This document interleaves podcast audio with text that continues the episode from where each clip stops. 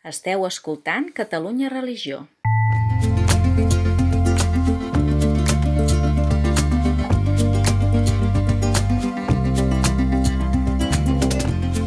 Converses en la frontera, un podcast de Gabriel Jaraba i Xavier Morlans.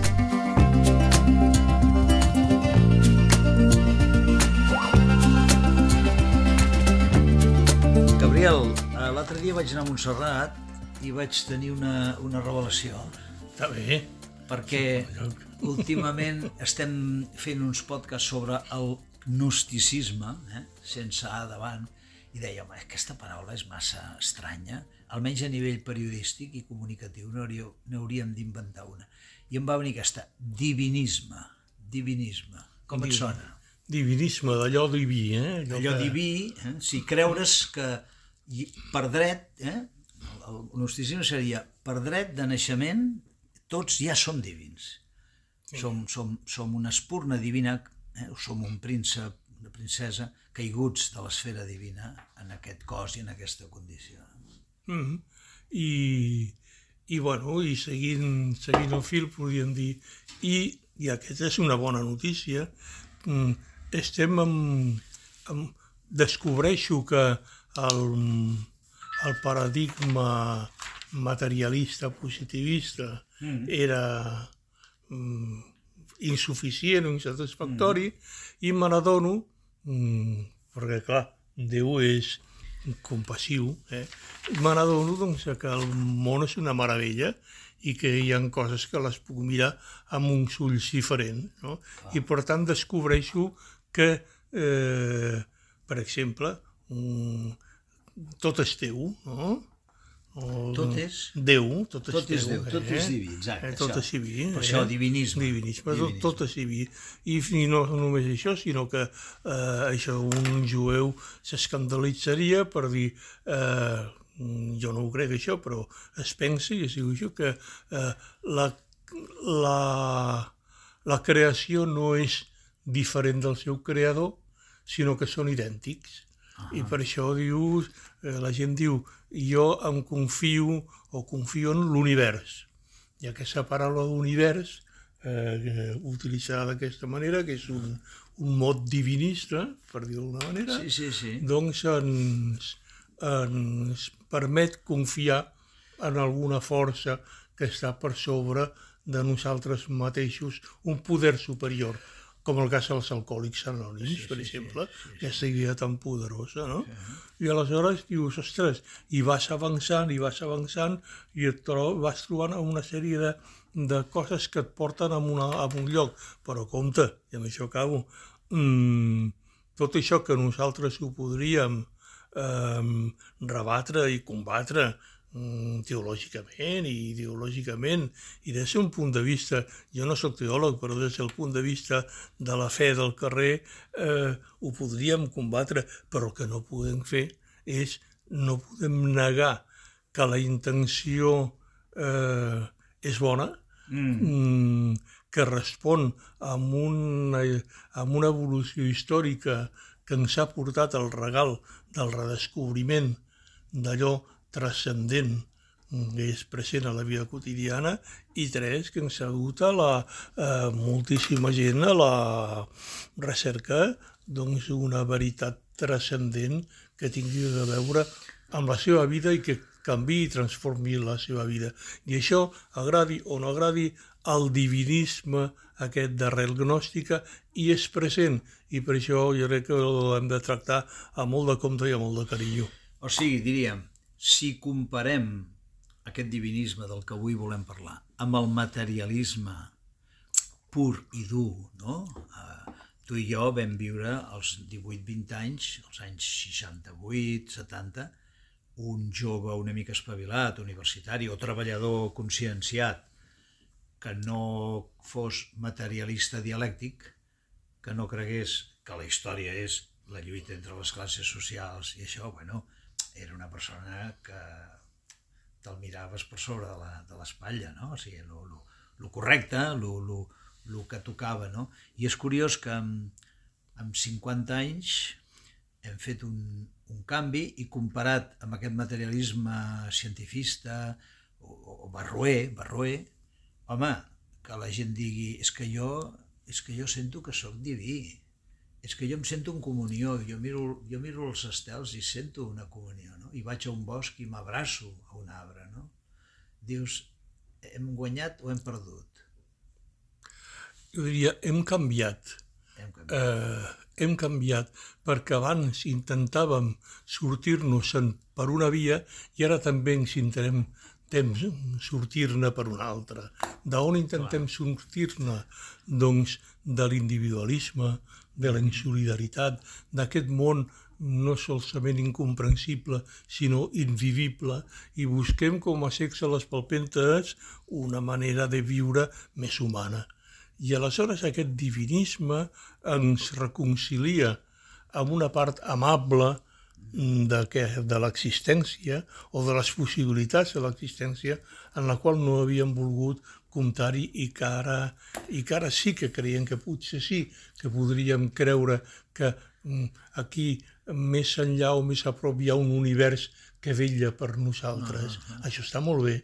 M'explico? Sí, sí, o sigui, tenir aquesta capacitat de pensar que hi ha més universos al nostre voltant, uh -huh. en el fons és recuperar la mirada poètica, o la mirada simbòlica, no? que les coses evoquen una música, una posta de sol, una hora, l'hora de berenar a la tarda, uh -huh. evoca un món de nostàlgia, uh, la llum d'un raig de sol que entra a la cuina, que no encens el llum perquè vols, vols saborir aquell raig de llum, que d'alguna manera et parla d'un món més que el món material. Això, això és un guany. Això és un guany. I sobretot de que eh, probablement i segurament tot això està fet per a tu, personalment. I aleshores aquí està la trampa. Això està fet per a mi personalment perquè és una part de la creació mm -hmm. que té a veure amb mi o això està fet per a mi personalment perquè es realitzin i es facin realitat tots els meus desitjos només en imaginant-los o en visualitzant-los. M'explico? Mm, sí. I han estat molt popularitzats el llibre de la, una autora que es diu Louise L.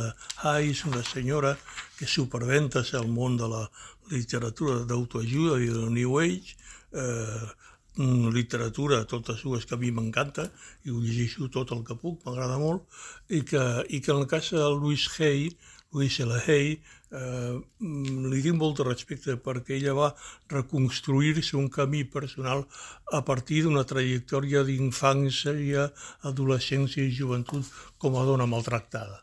Quan ah. refereixo a maltractada, mm -hmm. em refereixo a patir en carn pròpia. És a dir, que no estem parlant d'una teologia de la prosperitat o mm. del, o del happy flower, si ho diuen, sinó d'una senyora doncs, que a partir d'un profund patiment doncs, ha aconseguit vestir una ètica i una pràctica personal que molta gent l'ha ajudat i l'ajuda. I això mm. ho respecto, ho respecto molt. El que passa és que hi ha una lectura d'això, una lectura poc atenta, una lectura apressurada d'aquest tipus d'autors i de persones que diu, tu, com el títol d'un llibre que, que es pot veure, tu no puedes todo. Mm. Tu ho pots mm. tot. Tu, mm. pel simple fet de desitjar-ho, ja ho tens, perquè el qual vol dir, entre parèntesi, que no diu tu tens dret amb això, vulguis o no vulguis, vulguis que no, a, a, a ser, tu tens dret a ser aquest príncep o princesa momentàniament caiguts en desgràcia, perquè si l'univers no et regala això que tu estàs eh, re, en disposició a rebre, eh, hi ha dues versions. O bé eh, no, tu, no, no ho tens perquè no t'has esforçat prou, que és la lectura neoliberal i neocapitalista d'això, i l'altra és no ho reps perquè no eh, has connectat prou amb aquesta essència divina teva. I, I aquí és on comença a plorar la criatura. Val. Per tant, diríem que el, aquesta sensibilitat espirit, per l'espiritualitat, per la possibilitat de que l'univers estigui tot connectat, per aquesta capacitat de poetitzar moments de la vida quotidiana i sobretot superar traumes de maltractament, això ens dona un terreny comú a creients, creients diríem cristians, eh, clàssics, si es permet el nom, i aquests nous nous creients espirituals, ens dona un terreny comú. Però on està el problema, si, si volem ser una mica crítics i fidels i no volem fer un discurs així de passa bou per bèstia grossa? Eh, el punt està en aquest de si som divins des de sempre o si hem estat creats i no eren divins, però som convidats a un procés de divinització. No? Dit, intentant formular-ho una mica així filosòficament i teològicament. Clar, jo diria, es podia respondre honradament i, i ningú s'hauria d'escandalitzar per això, de dir, mireu, no, no érem, ni hem estat, ni som divins, però tenim l'oportunitat de ser-ho. Jo crec que hi ha moltes, moltes línies. El que passa és que això té un perill eh, a dintre el cristianisme mateix i, i tant catòlic com protestant l'obertura de camins, diguem-ne, de perfecció, mm. entre cometes, mm. als diversos ascetismes, de dir, bueno, hi ha un camí obert per a tu, eh, mitjançant el qual si t'esforces eh, i si lleves ben d'hora, ben d'hora i si compleixes les teves obligacions com a fidel i fas bones obres, eh, a més de la fe, doncs eh, tu podràs arribar a ser algun dia eh, aquest sant que t'agradaria que t'agradaria ser o aquest, o aquest home o dona modèlics, que, sí. i aquí som prou la criatura, perquè clar, els salvatges com un servidor pensem que la, la festa de franc és rep de franc, es Clar. transmet de franc, i no hem fet res, res per mereixer-la, sinó molt sovint tot el contrari. I sobretot, sobretot, que la fe no és un esforç individual, espiritual, per arribar a aconseguir, sinó que la fe és un diàleg amb algú, no? És, és, és, és, la fe és relació personal, Clar. almenys en la clau judeocristiana. Clar, i bíblica. més, i, i, i fora d'ella, el primer que fa Espartac, el, el, el gladiador, eh, esclau i esclavitzat, és organitzar-se ell i organitzar els seus col·legues de gladiador, gladiadoria, no? Uh -huh. eh, I crear un exèrcit d'esclaus que, de nhi a la fressa que arriba a moure, sí, no? Sí, sí. Clar, és a dir, mm, el primer que fan el, el, els mm, presoners dels camps nazis més clarividents, doncs és organitzar-se Eh? I a Mauthausen doncs, ho explicava molt abans que la Montserrat Roig escrivís aquell llibre tan maco dels catalans als camps mm. nazis. El primer llibre que es va publicar sobre aquest tema en Espanya eh, es deia Los años rojos i el va escriure un capità de l'exèrcit de la República, Mariano Constante, que a més a més havia estat comissari polític eh, de l'exèrcit republicà, eh, i militant del PC, i ell explicava per primera vegada coses que nosaltres, noies joves, no, no sabíem, que era que aquella gent no van ser només víctimes, sinó que van ser lluitadors i opositors. Clar, aleshores, mm, aquest diàleg amb qui? Diàleg amb els altres, diàleg amb un mateix, en la reflexió, però sobretot jo diria que diàleg amb un entorn antropològic la creació d'un entorn antropològic que afavoreixi aquest diàleg. És a dir, veure si us, ho sé explicar.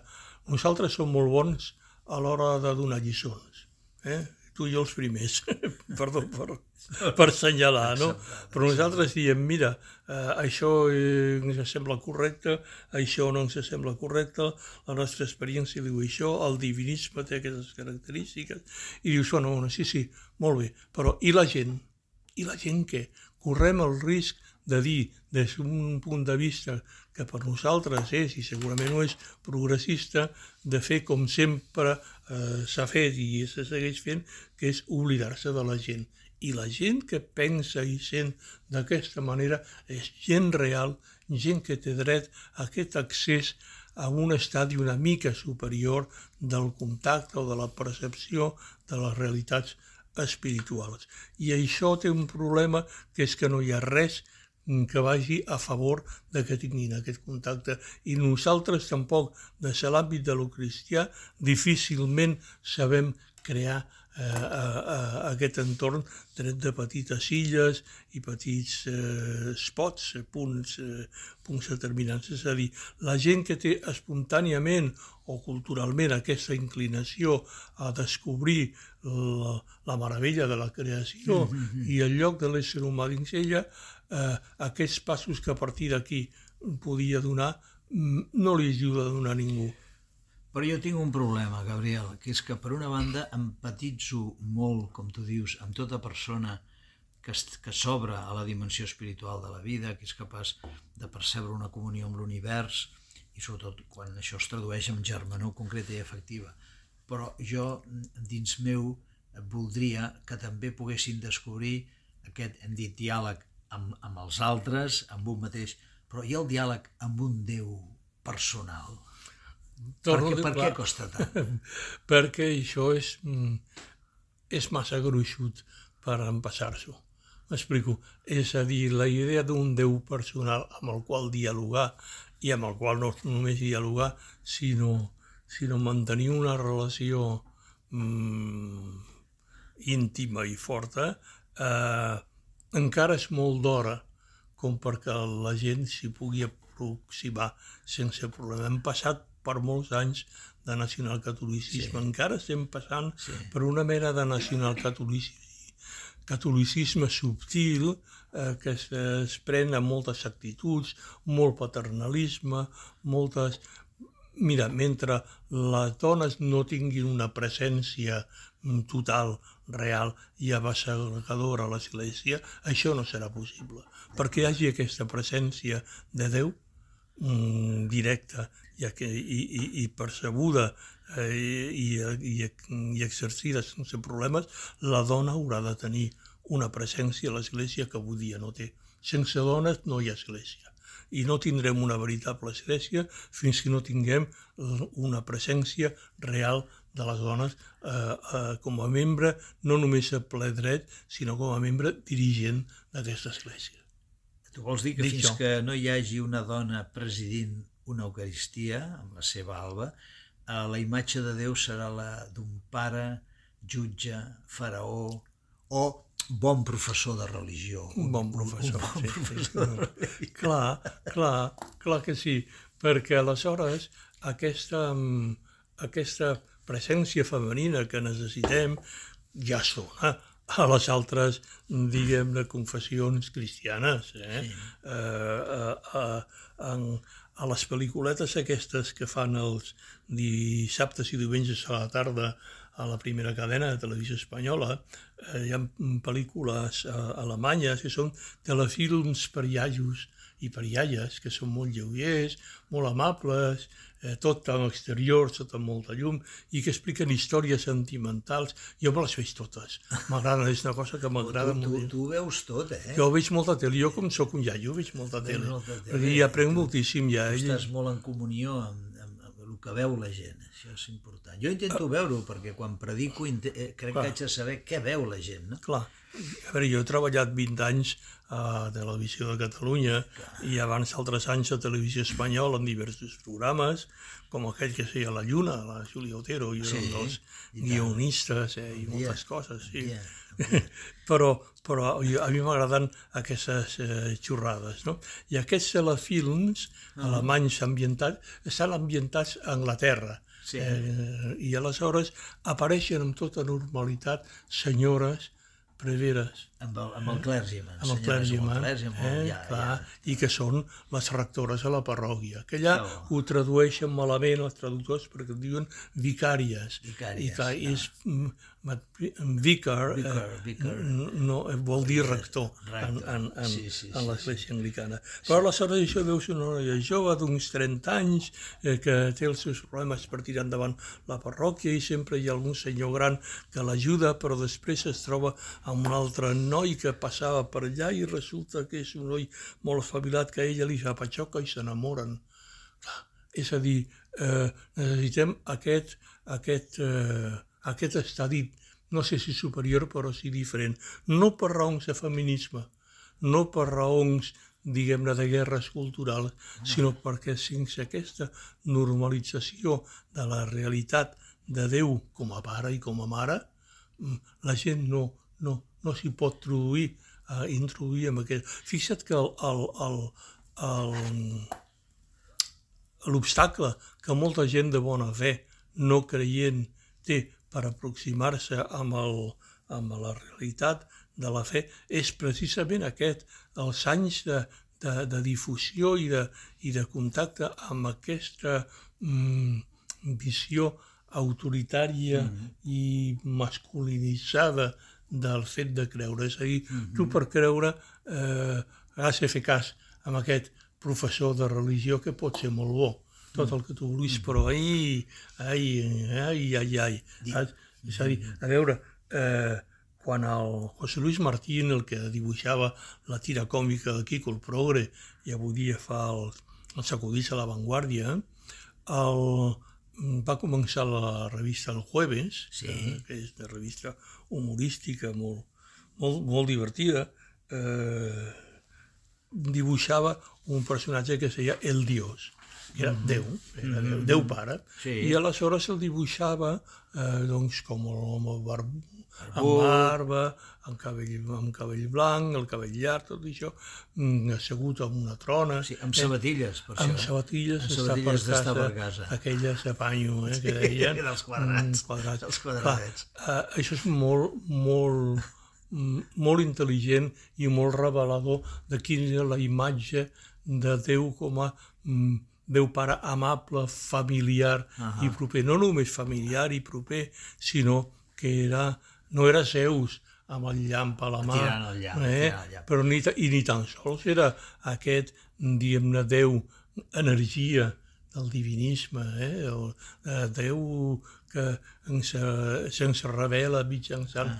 les energies o algun àngel que passava Sí. per allà. Era, era més humà. I era un Déu personal.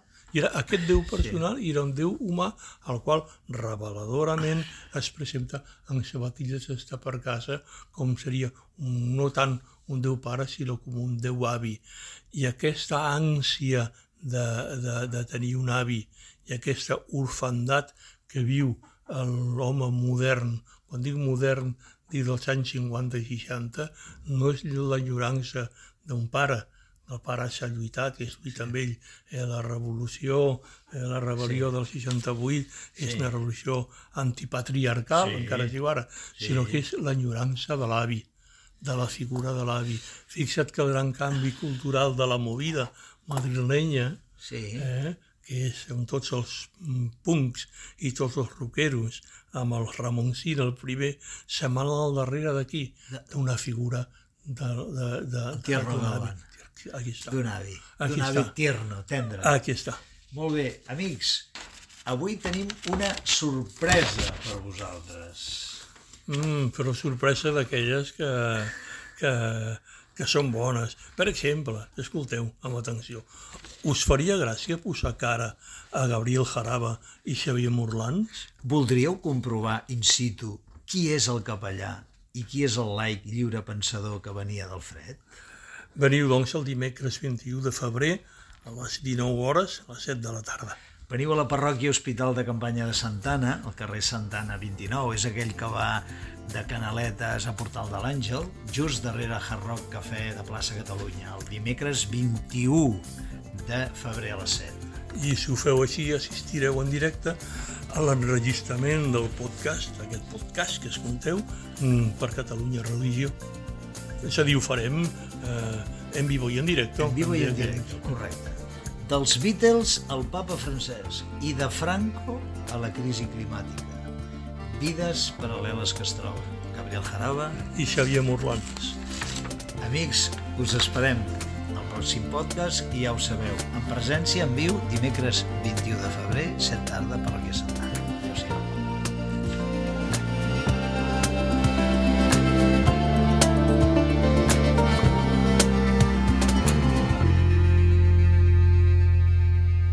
Catalunya Religió.